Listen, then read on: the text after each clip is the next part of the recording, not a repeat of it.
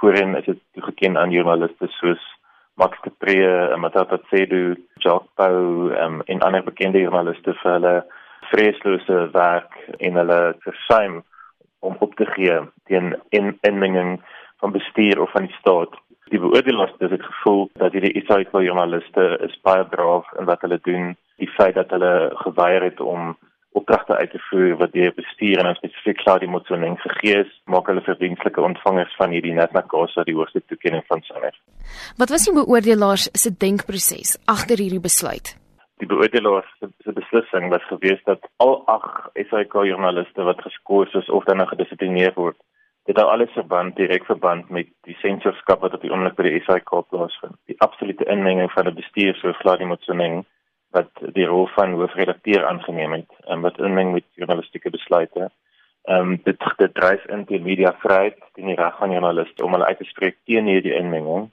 En um, dit kan nie geduld word by enige media huis nie en veral nie by die SAK wat 'n publieke uitsouer is nie. 'n Staatsuitsouer moet vreesloos en onbevange kan berig oor alles wat in die land aangaan. Ehm um, en daarom is is hierdie pryse toegekend in lig van van hierdie inmenging en die uh, tirannie wat ons op die oomblik sien by die openbare uitsouer.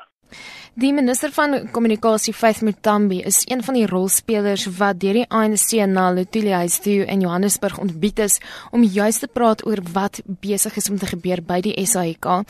Wat dink julle hiervan? Dit is natuurlik kommerwekkend dat die ANC is in die parlement nie wat die minister van kommunikasie tot verantwoording roep, maar in 'n baie donker week vir journalistiek was dit 'n ligpunt dat Jackson Tembo die ANC se woordvoerder oor kommunikasie gesê het en wat gebeur is is absoluut onaanvaarbaar dat die ANC nog nooit ten gunste van sensorskap was nie en dat hulle vir Faith Mutambi vir stok gaan kry daaroor.